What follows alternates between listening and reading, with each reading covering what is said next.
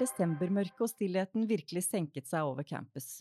Bare juletreet på Universitetsplassen lyser opp og minner oss på at semesteret er over, og at det snart er på tide å pakke sammen sakene sine og ta juleferie. Men før jeg tar juleferie, skal jeg ha en liten prat med to av landets fremste eksperter på digitale medier. Den ene av dagens gjester er interaksjonsdesigner, avisspatist, hun er utdannet medieviter, hun er fagbokforfatter, og hun er gründer av selskapet Konferere. Velkommen hit, Ida Aalen. Tusen takk, veldig hyggelig å være her. Og den andre gjesten er rådgiver i tankesmien Agenda. Hun har en imponerende CV som inkluderer doktorgrad i statsvitenskap fra UiO. Eh, Hun har også jobba i Norges Røde Kors og i Fritt Ord. Velkommen hit, Hilde Nagel. Tusen takk. Hilde, gratulerer med dagen i går.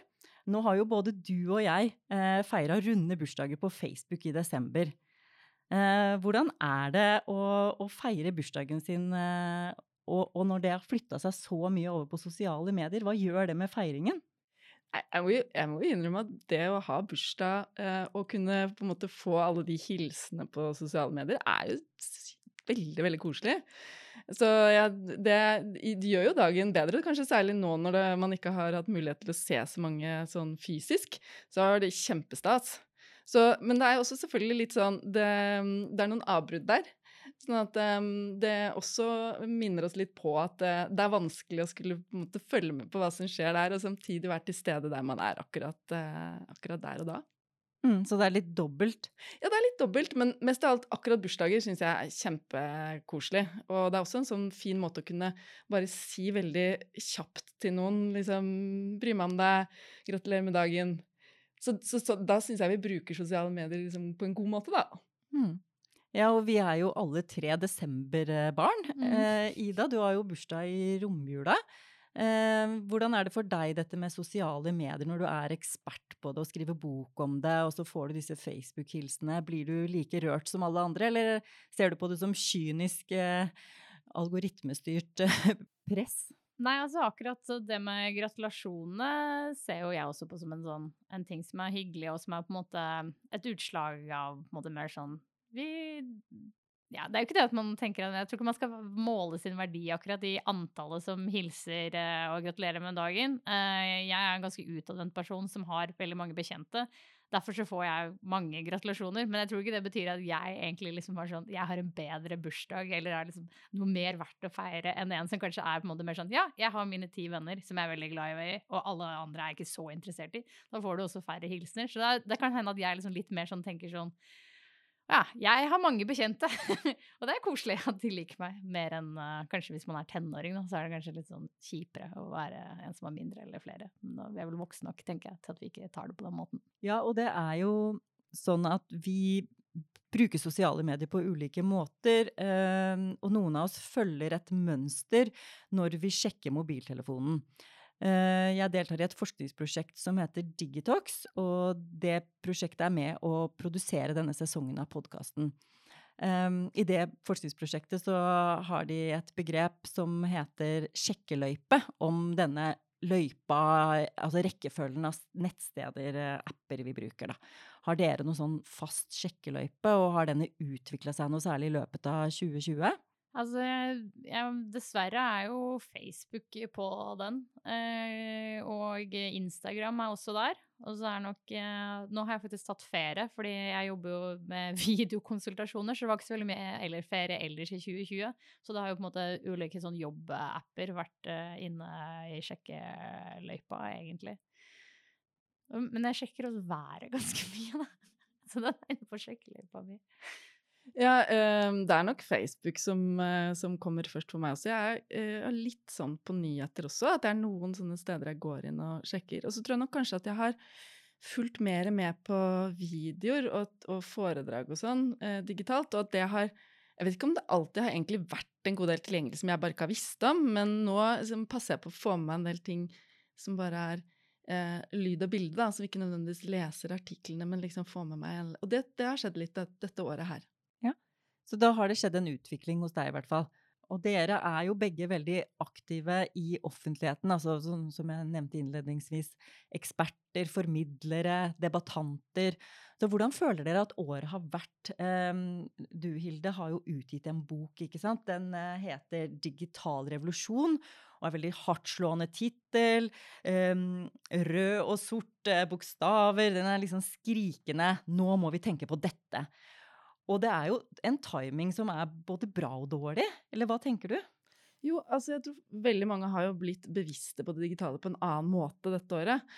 Så sånn sett så tror jeg kanskje at en del også da har blitt interessert i å mm, stille noe mer spørsmål rundt hvordan bruker vi faktisk eh, teknologien, og hva er det egentlig, hvem er det som er bak, og aktørene, og hvem styrer og sånn.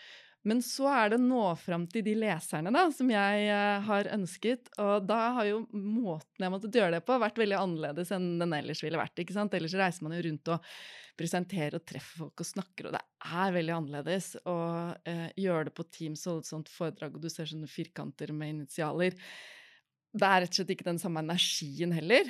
Så det har vært liksom eh, Jeg kjenner nå at nå er det veldig deilig med juleferie snart. Mm. Jeg tenker den timingen på den boka er veldig riktig, da. Altså, eller jeg skulle jo ønske at vi alle sammen uh, hadde diskutert det enda mer enda tidligere. Og det inkluderer meg selv, så det er ikke noen kritikk uh, av noen. Uh, men jeg tenker et eksempel da, som er jo i august så oversteg den liksom, børsnoterte verdien av de amerikanske teknologiselskapene verdien av samtlige europeiske børsnoterte selskaper. Altså, bare de amerikanske teknologiselskapene er så enorme, da og hvor mye makt de har fått. Jeg tenker liksom, Den forrige boka jeg skrev om sosiale medier, i 2015, når jeg leser innledningen der, da, så var liksom, jeg tenkte sånn kan, dette, Dette kan ikke være innledningen, på en måte. Det er ikke det at det som står der, er feil, men det er sånn, dette er ikke det viktige stedet å starte, eller det riktige stedet å, å starte. Men det er en sånn ting som har skjedd tenker jeg, i løpet av de fem åra.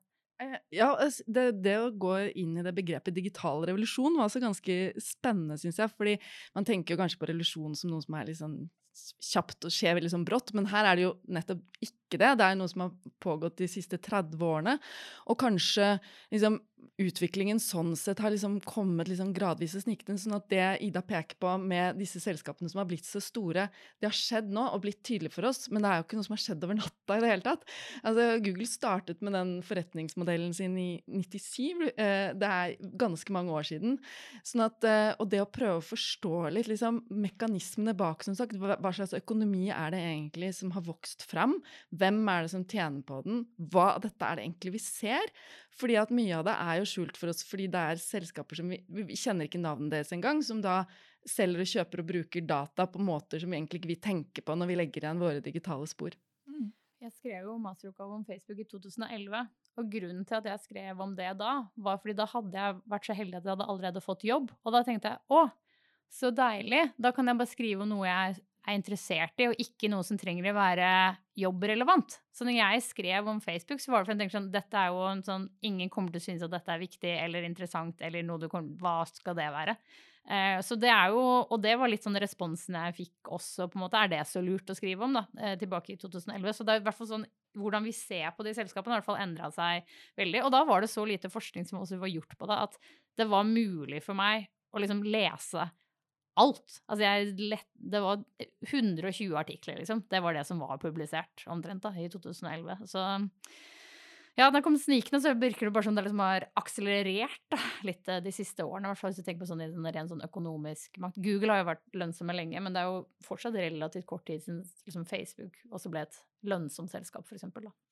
Ja, og så er det jo interessant å se hvem det er som har tjent storpenger på eh, korona nå. ikke sant? Det er jo de samme store selskapene, og også egentlig, kanskje uten at vi har vært så klar over det, liksom vokst seg inn i veldig mange nye markeder også. Så det er veldig lenge siden Google bare var en søkemotor. Altså, det, de har nå stått for også kanskje årets viktigste gjennombrudd innenfor kunstig intelligens på et område altså, et selskap som de eier inn mot helse, som er et område som kommer til å utvikle seg også enormt mye framover. Så det å på en måte nå begynne å følge selskapene, hva de kjøper opp, hvilke data de bruker, og hvordan de etter hvert får kontroll over stadig flere eh, områder. Både liksom fysisk eh, ute i byen vår, og liksom på nett. da. For å være litt kontrær, da, så kan man jo si For Google holder på med vanvittig mange ting, men hvis man ser på hva de tjener penger på, så er det jo fortsatt sånn Det er 86% eller noe sånt av inntektene til Google er basert på annonser. Så fortsatt så er det jo et kjempestort annonsemarked, men kanskje de også skjønner at dette kan vi ikke leve av for alltid, og så bruker de hele overskuddet sitt på å liksom finne ut av hva den neste tingen skal være, da, for de kan jo ikke kanskje leve av dette på alltid. Men det er jo en av de tingene som jeg syns har vært jeg, altså Facebook, 98,5% av inntektene deres kommer fra annonser. Så hvis uh, hvordan liksom, så mye av det som er en sånn enormt uh, høyt verdsatt industri, bare handler om annonser, er liksom helt tullerusk også, da. Hvor store kroner det handler om, og hvor perverse insentiver som man da får, da, når det er den eneste inntektskilden, nesten. Men ja. Og det Ida peker på der, er jo, det er jo hele sånn kjernen eh, for å forstå den digitale revolusjonen, er å forstå denne forretningsmodellen basert på reklame, og hvordan den har kunnet bli så enormt lønnsom. Da. Så det er jo også en sånn spennende ting nå framover. Hva kan man gjøre for å virkelig bryte ned det? For én ting er en ting er å kanskje liksom splitte opp selskap, man kan gjøre noe med det, sånn, men å gjøre noe med selve den reklamefinansierte forretningsmodellen er mye mer krevende. Mm. Samtidig så, så, beskriver jeg også i boka hvordan dette har vært valg som har vært tatt. Det har ikke vært sånn at teknologien i seg selv eller liksom, Det har ikke vært noe sånn mm, determinisme i det. Det er, det er, noen som har tatt noen valg, noen selskaper som har satset på det, og etter hvert vist seg at det har vært såpass lønnsomt. Og da må det kunne gå an å tenke noen alternative forretningsmodeller også, etter hvert som vi som forbrukere og borgere blir ø, mer og mer bevisst på konsekvensene av at vi har fått denne veldig kommersielle, reklamestyrte eh, internettet som vi har fått. Det som jeg syns er så fascinerende med det også, er at eh, den, den annonsemodellen gir så mange eh, altså som sagt, det er liksom perverse insentiver, men samtidig så har vi også noen ting med når alle de løsningene blir sånn globale, så er det sånn vi som sitter her i Norge, er sånn jo, jo, men jeg vil heller betale liksom 100 kroner i måneden, og så slipper jeg eh, å få reklamen, og jeg vet hvor dataen min havner. Og så er det sånn mens 100 kroner i måneden kan jo være enorme summer i, i andre land, da, ikke sant, og hvordan på en måte også selv gratisjenter som Wikipedia, hvor mye av de inntektene der som kommer fra donasjoner da, fra andre selskaper igjen, som også tjener pengene sine på annonser, er sånn at eh, man, hvordan man skal klare å knekke den koden da, med å beholde det vi tross alt liker, da, med at internett er i hvert fall tilsynelatende gratis. Altså sånn, Du trenger ikke betale da, med kroner for å få tilgang på informasjonen. Men på den annen side så vet vi jo at vi betaler med dataene våre. Men for noen har jo kanskje mer data enn de har kroner. Så, igjen er, men altså, ja, Så det er liksom ikke åpenbart hvordan vi skal løse det på en måte som også gagner folk i, mer, i land som ikke rett og slett har så lett for å betale. Altså, det er et dilemma hvordan vi skal få det gode ut av internett, men eh, stoppe den negative effekten av eh, konsentrert økonomi eh, og konsentrert makt da, hos noen eh, få selskaper. Eh, hvis dere mener at vi bør ta makten tilbake fra Facebook og Google og Amazon, hvordan skal vi konkret gjøre det?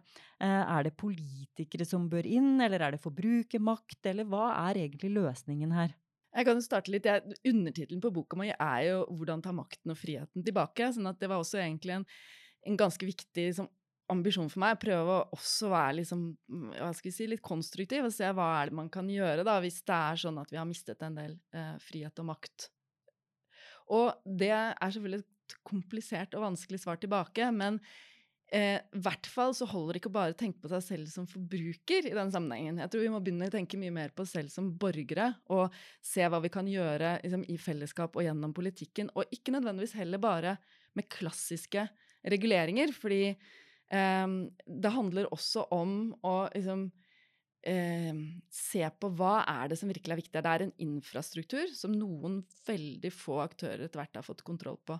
Hva kan vi som samfunn, uh, som Norge, men også kanskje liksom på EU-nivå etter hvert for så vidt også internasjonalt, gjøre for å ta tilbake noe av eh, makten og kontrollen over den digitale infrastrukturen. Og det gjelder alt fra liksom, hvordan vi lagrer data, til eh, hvilke plattformer vi bruker for å kommunisere osv. Eh, og der syns jeg det er kjempespennende å se nå EU. Fordi at EU faktisk har eh, gått et skritt videre. De har vært veldig fokus på frihandel og veldig fokus på liksom, kontroll på personopplysninger og sånn, men nå tør de mye mer. Så jeg er spent på EU neste året, hva, hva som kan komme ut av virkelig å liksom, ja, ta det derre felles eh, samfunnsperspektivet på, på, en del av disse utfordringene. Mm. Det er jo interessant å tenke på hva det er som EU gjør at EU tør å ta de grepene. Noe henger selvfølgelig sammen med sånn, nesten mer sånn idéhistorisk, at man har helt andre ideer om hva på en måte privatliv er og retten til privatliv i Europa eller, enn man har i USA. Der har man jo knapt en idé om på en måte eh, privatliv på den måten som vi har. Men i tillegg så er det en ting som er av og til liksom litt sånn snarky amerikanske kommentatorer sier. Ja, selvfølgelig vil dere regulere teknologibransjen. Dere har jo ingen selv, ikke sant? Eh, som omtrent eh. Men, og det kan man jo si, ikke sant, fordi de, EU har ingenting å tape da, på å svekke makten til de tingene, sånn rent økonomisk også, da. Og, men det tenker jeg egentlig er gode nyheter, fordi det er jo faktisk et stort marked for de amerikanske selskapene, så ligger veldig mye makt i det. Så jeg heier veldig på de reguleringene. Eh, så blir det jo interessant å se om For hvis EU liksom aldri klarer å bygge opp selv en teknologibransje som kan konkurrere med det, så vil det på en måte alltid være måte amerikanerne som legger premissene, og så kommer EU etterkant på å prøve å legge på noe lover og lappe det til, liksom. Da. Og det er jo ikke den beste dynamikken heller hvis vi skal ha de tjenestene vi tror på. Og der har jeg lyst til å være litt kontrær igjen, fordi, at, eh, fordi eh, jeg tror også at vi er nødt til å bruke mer eh, energi på å tenke hvordan vi kan nettopp bygge opp et alternativ. Da. Og det inkluderer også faktisk egen industri. Og der har jo EU nå med sin sånn dataplan faktisk gått både liksom, De har et fond som de ønsker å bruke veldig aktivt til å sponse og bygge opp noe av sin egen, sin egen eh, leverandørindustri. Uh, og det er jo viktig på flere måter, for det er viktig både for å få en litt sånn kontroll over den infrastrukturen som jeg snakket om, ikke sant? fordi da kan det være europeiske selskaper som kan levere deler som er viktige og sentrale inn, sånn at man ikke blir maktpolitisk så avhengig av f.eks. Asia og USA. Uh, men det er også forsøk på å liksom se hvordan man kan dele data og lage gode systemer for det, sånn at man kan ta ut den gevinsten som ligger i å kunne altså stordata på samfunnsgoder, da, på, på virkelig liksom få løst problemer som vi står overfor. F.eks. det grønne skiftet. Så eh, jeg vet ikke om de lykkes, men jeg ser at det er noen veldig interessante tanker der rundt å bygge opp eh, datadeling rundt satsingsområder som man uansett vil høre. Ja, nei, altså, jeg, jeg, jeg, tror ikke vi er uenige der, egentlig. Så det var mer om de vil om de vil klare det, det er på en måte litt sånn avgjørende for at det ikke skal bli noe mer enn på en måte altså sånn slags sånn gaffatyping av uh, ting som amerikanerne finner på, da, for å si det litt uh, tabloid og enkelt. Man må på en måte klare å bygge opp en europeisk teknologibransje også, som faktisk kan konkurrere med den amerikanske, hvis man skal kunne være sånn premissleggere. Da. Og selskaper som tenker personvern fra starten av, og ikke i møte med en regulering som kommer langt ut i utviklingen deres, for da lager du helt andre eh, tjenester. da. Mm, et problem når selskapene blir så store uh, og dominerende, er jo at de blir som nasjonalstater i seg selv. Altså de lager egne regler. Uh, og kan også lage sensur som er strengere enn det Norge og Norden har på enkelte innholdskategorier. Sånn at de får veldig mye makt også over kulturen. Uh, så det er jo en slags kulturkrig kanskje her også. Uh, og når det gjelder forholdet mellom Europa og USA, så kan det jo hende dette endrer seg noe etter at Trump går av. Altså, jeg forstår at EU har vært også ganske redd for å sette begrensninger på disse selskapene fordi at da kan det gå, slå tilbake på våre eksportvarer da, til uh, USA. Ja, uh, men også tror jeg altså det faktisk det finnes en enda en si, fjerde modell. Da, på en måte, fordi du har liksom den kinesiske, som er veldig tror ingen egentlig har så veldig lyst til å uh, etterligne dem akkurat nå, med ganske liten respekt for personvern og veldig autoritær, autoritær styreform. Og så USA, som er den veldig deregulerte eller har vært. Og EU som på en måte har hatt fokus på konkurranse. Men så har du nordiske òg, mener jeg, som har et kjempepotensial. Fordi vi har tradisjon for å tenke fellesskapsløsninger rundt en del sånn, nye ting, ny teknologi osv. Og, så og ikke minst så har vi en eh, modell for hvordan vi Altså en slags en form for eh, demokrati forståelse da, som gjør at vi tenker at vi skal involvere eh, de som jobber eh, aktivt med å utvikle teknologien på arbeidsplassene. Skal du involvere de som jobber der også, på en god måte? Eh, partene skal snakke sammen i arbeidslivet for å komme til enighet. Og denne modellen her tror jeg egner seg godt, fordi at vi står overfor så veldig viktige, store etiske spørsmål òg, da. Og egentlig spørsmål som vi tror vi absolutt alle sammen er nødt til å ta stilling til. Eh, og da holder det på en måte ikke å bare tenke hvem er det som kan få til mest mulig innovasjon? Det er hva er det vi egentlig vil med den eh, teknologien, og hva, hva, er det vi ikke vil? Mm. Så det nordiske kan være en eh, fjerde modell? Ja, det er i hvert fall eh, det jeg beskriver i boka. At vi har, har også noen sånn ganske gode eksempler på at vi har klart å være veldig langt framme digitalt, men samtidig eh, gjøre det på en måte som er demokratisk, da. Og, eh, og, også tenke fellesskapet hele tiden. Tenke hva er det egentlig vi ønsker, eh, hvordan kan dette komme tilbake til oss eh, som innbyggere, og ikke bare eh, til, eh, til, selskapene eh, og de som utvikler teknologien. Mm. Ja, fordi samarbeid mellom privat og offentlig sektor har jo vært sentralt i utviklingen av teknologi i, i Norden, sammenlignet med andre land.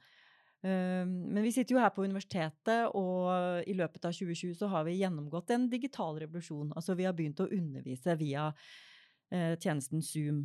Eh, og det har jo mange sider, men eh, jeg lurer på, tror dere det har noen positive sider for universitetet? Er det noe vi kan lære av det? Er det noe positivt utviklingspotensial vi kan lete etter?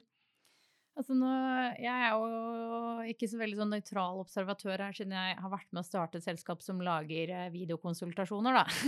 så det må liksom eh, flagges. Eh, men jeg tror jo på en måte at selv det vi sier da når vi snakker med fastleger og som vi ser på det, så tror ikke vi på en måte man skal tenke for eksempel at jeg må nesten ta videokonsultasjoner, for det er det jeg kan mest om. At videokonsultasjoner på en måte skal være noen erstatning for eh, fysiske konsultasjoner, og jeg tror også det å møtes fysisk er, generelt er liksom veldig sånn eh, bra for å på en måte bli kjent, eh, og det er ting man mister. Samtidig så tror jeg på en måte at eh, en, vi har jo vært uten eh, kontor egentlig i årevis, helt fra starten. Ikke, ikke, det skjedde ikke med korona for oss. Vi hadde allerede gjort det lenge, og vi har eh, ansatte i flere land, så vi har på en måte tenkt helt siden 2017 på hvordan kan vi lage bra eh, arbeidsmiljø når vi ikke sitter på samme kontor. Og jeg tror på en måte en ting som Uh, man må tenke på, hvert fall, er at når veldig mange da måtte dra til hjemmekontorene, så ble det sånn at uh, ja, da dro vi hjem på det hjemmekontoret, og så ble hjemmekontoret ble på en måte pulten, og så puttet du inn video der du før hadde møter.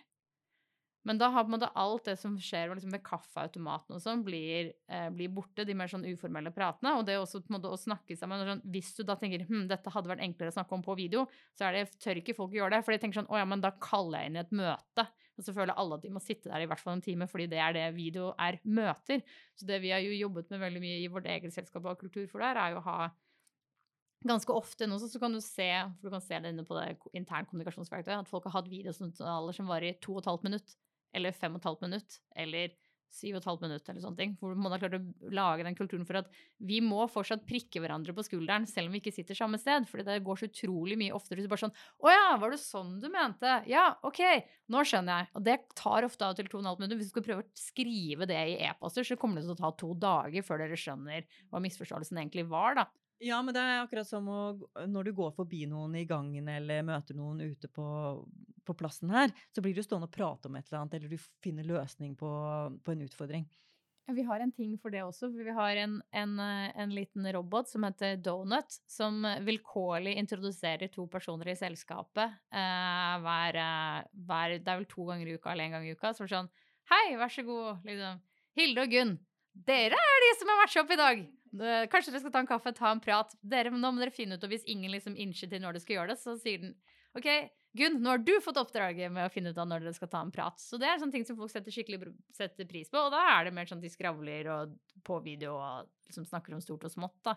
Så du må liksom Det som forsvinner når man møter fysisk, må man ta noen aktive grep for å gjeninnføre noe parallelt. Men veldig mange bare har ikke aktivt gjennomført, og da blir det utrolig trist å sitte på hjemmekontor hvis du ikke prøver å gjennomføre de tingene som er fysisk. Men man kan faktisk gjøre det. Eh, og så tar det ikke Det høres veldig rart ut i starten å la en robot tilfeldig introdusere deg, men takk, du bare trenger én eller to sånn hyggelige kaffer, så setter du jo pris på det igjen. Ja, og hvis vi har denne situasjonen med covid liksom i fem-ti år framover, noe ingen egentlig tror nå, men eh, la oss si at det skjer, da må man jo gjøre noe sånt for studentene. Eller gjøre noe sånn for de ansatte her. For det, det, det, går veldig utover psykisk helse, og, og vi får rapporter om ensomhet, og at manglene på de der uformelle treffene er et stort savn.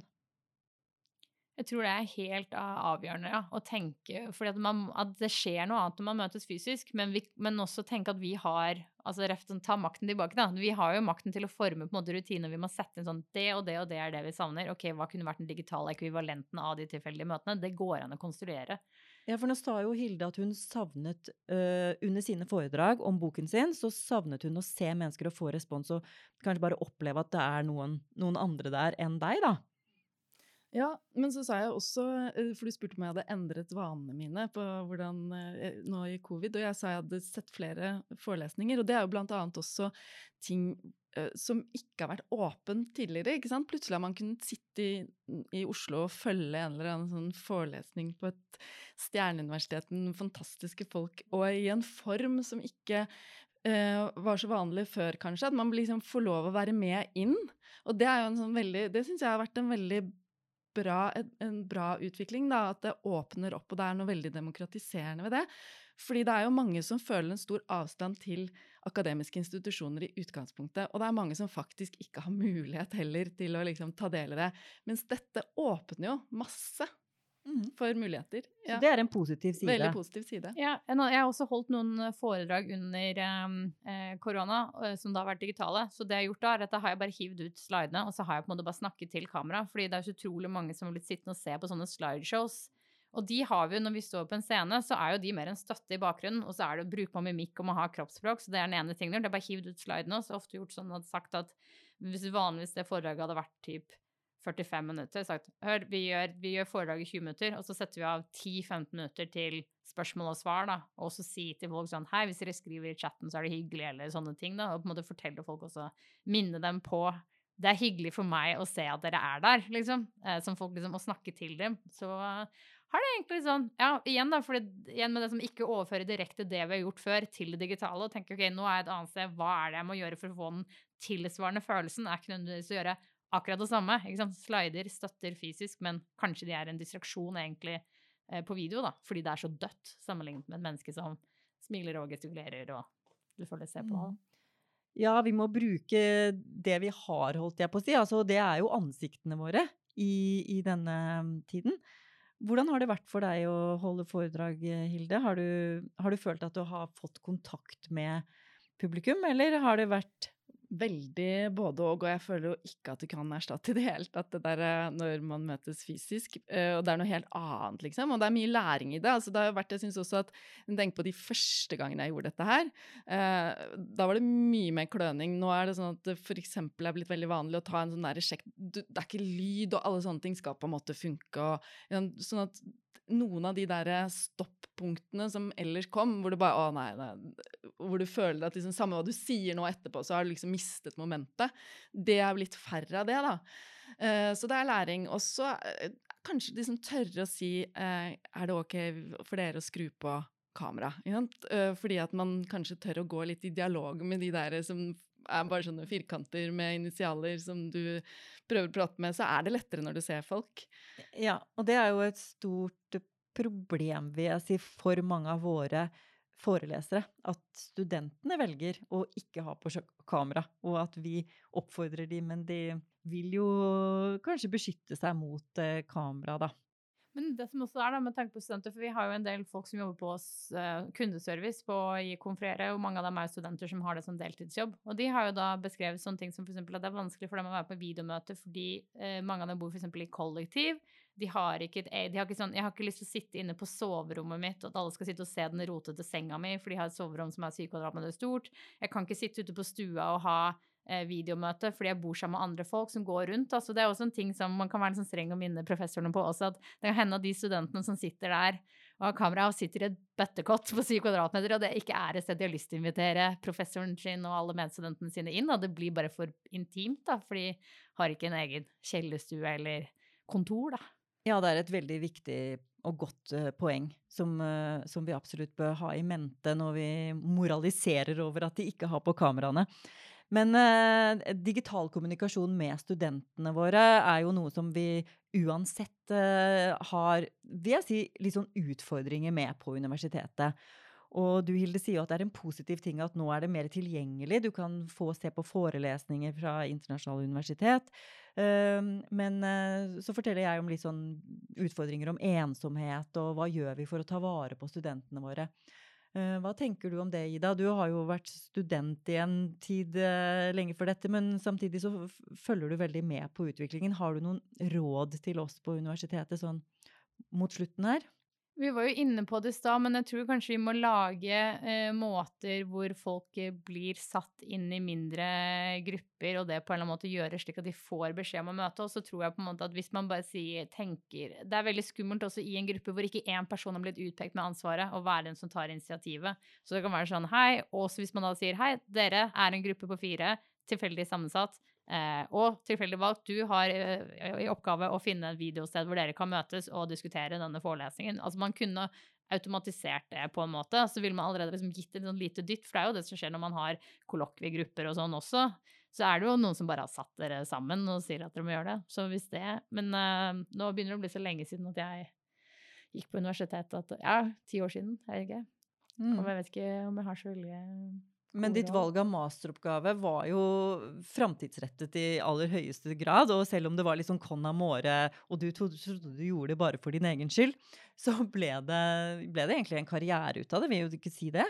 Eh, ja og nei. fordi poenget er at der jeg fikk eh, jobb, eh, var jo et konsulentselskap som heter Netlife. Så det var der jeg hadde fått fast jobb. Og det jeg faktisk har jobbet med de siste ti årene, er jo å lage digitale produkter. Så jeg har jo omtrent ikke uh, sendt, solgt et eneste konsulentteam på sosiale medier-ting. ikke sant? Så det har på en måte egentlig vært en sånn sideting. Jeg tok meg, fikk eh, stipend og tok meg fri et halvt år for å skrive den forrige boka. Tok, uh, fikk, tok fri for å skrive den forrige boka. Og har liksom skrevet på kvelder og helger i avisen og sånne ting. Så jobben min har jo Så egentlig så er det Nei, det er egentlig ikke det jeg har jobba med, da. Så nå jobber jeg jo som produktsjef og jobber med brukervennlighet. Det er ikke så mye sosiale medier inni det heller. Men um, det er, en, eh, det er, jo en, stor del av tingene jeg har gjort, og en stor lidenskap. Men um, jeg har ikke så lyst til å jobbe med sosiale medier, for å være helt ærlig. Nei, vi skal analysere det og forstå det, og vi skal også bekjempe kanskje noe av den dominansen de har over oss. Hva tenker du, Hilde? Har du tro på at uh, Europa og Norden vil liksom få overtaket over dette landskapet etter hvert? Oh, jeg vet ikke. Det er jo noen veldig sånne tydelige utviklingstrekk som jeg syns peker litt sånn i feil retning når det gjelder konsentrasjon av makt, og som jeg syns er vanskelig å se hvordan det skal komme noen sånne veldig tydelige løsninger på. Men jeg håper og tror at vi får litt mer diskusjon og debatt om det fremover, og at folk blir litt mer bevisste også sine egne valg, og kanskje stiller litt spørsmål Fordi ofte så er det jo fantastiske tjenester, og noe man liksom veldig tar i bruk og og liker og egentlig nesten ikke klarer helt å tenke seg at man skal leve uten, men at man da også samtidig kan ha det der andre lille spørsmålet i bakhodet. Hm, eh, hva er det egentlig som skjer her eh, på samfunnsnivå, da? Eh, og det er i hvert fall det, det var liksom hovedmotivasjonen også for å skrive boka mi. At jeg følte at det var så mye som skjedde her som egentlig ikke Sånne som meg, da, som er statsviter og ikke har teknologibakgrunn, jeg, delvis forsto jeg det ikke, og delvis så hadde jeg ikke liksom ordene til å beskrive det heller. Sånn at vi, at vi kan liksom tørre å kaste oss litt inn på teknologenes felt, og liksom tørre å prate om ting, og kanskje også tørre å politisere noen av disse områdene som nå har vært liksom veldig lite regulert og veldig lite diskutert. Mm. Jeg har jo to UiO-foreldre, så det er jo til deres eh, store fortvilelse at verken jeg eller min bror har faktisk tatt av forskerveien. Og er, jeg, jeg tror de har begynt å forsone seg med det nå, men det var å brille en dyp sorg og skuffe der. Eh, men en av de tingene som da har på en måte vært gøy med å både kunne lese såpass mye om forskningen og følge med på det over tidene, men så være med å bygge et eh, selskap nå, er jo det sånn si, OK, nå har jeg sittet og kritisert disse selskapene eller andre folk hvordan de har holdt på i ti år. Men går det an å gjøre en bedre jobb sjøl, da? Eh, og det er en veldig gøy utfordring å prøve å liksom omsette de liksom teoretiske tingene og eh, rantene man skriver i aviser. Og si sånn, ja, gjør det bedre sjøl. Eh, og der har vi jo det selskapet som vi da gjør som som, der selger vi nettopp inn på det skandinaviske. Nå går vi jo inn i det uh, tyske markedet, f.eks. Da er det sånn, det er et selskap som satt sikkerhet uh, og personvern og universell utforming. Det har vi gjort fra dag én, da, og sagt at det skal være en av differensiatorene våre. Så da er da spørsmålet, får vi se da om det finnes noe marked for den skandinaviske modellen da, innenfor video. Men uh, det er det vi har satsa på, da, er at det skal være. Også når vi ansetter folk, så er det sånne ting Bare for forlengelse av den nordiske modellen, så er det sånn Her jobber vi 37,5 timers uh, uh, arbeidsuker. Og det gjør at vi tiltrekker oss veldig flinke folk, da. Fordi det er så sjeldent i teknologibransjen at noen kan lokke med det. Nei, Det har vært veldig veldig gøy det siste halvåret også, fordi det er så mange som har tatt kontakt på en mer sånn konstruktiv måte. Si eh, du, jeg driver med et sånt eh, byprosjekt eh, hvor vi har lyst til å involvere innbyggerne. Og jeg ser at du har noen ideer om hvordan vi kan gjøre det med også å bruke liksom, digitale løsninger. Kunne du tenke deg å være liksom, rådgiver på det, eller være med på det? Eh, folk som driver med, med helsedata. Folk, veldig mye eh, rundt omkring på veldig mange områder som nettopp eh, har en ambisjon, en tydelig liksom, mål om å gjøre ting på en annen måte. da. Så, så, sånn sett å starte i det små, kanskje også starte litt med å, å, på en måte løfte fram noen av de som har fått det til, og vise det, istedenfor å bare alltid liksom tenke åh, dette her er liksom eh, håpløst eller vanskelig, eller vi kan ikke ta kontroll på det. Så på en måte, ja, løfte fram de som faktisk prøver å gjøre noe annet, og vise at det nytter, da. Mm. Og nå vil jeg gjerne takke dere fordi at dere bidrar til å løfte denne debatten i offentligheten gjennom bøkene deres, gjennom aviskronikker og gjennom foredragene. Og nå gjennom at dere kom og besøkte meg på dekankontoret mitt. Eh, tusen takk for at du kom, Ida. Tusen takk. Og Hilde. Det har vært en fryd å snakke med dere eh, i denne førjulstiden. Og jeg vil også takke lytterne for at dere har fulgt med på denne sesongen. Dette er eh, den siste sesongen eh, før jul. Eh, men hvis ingen går i fella, men passer seg for den, så kommer vi tilbake med nye episoder på nyåret. Ha en riktig god jul, alle sammen.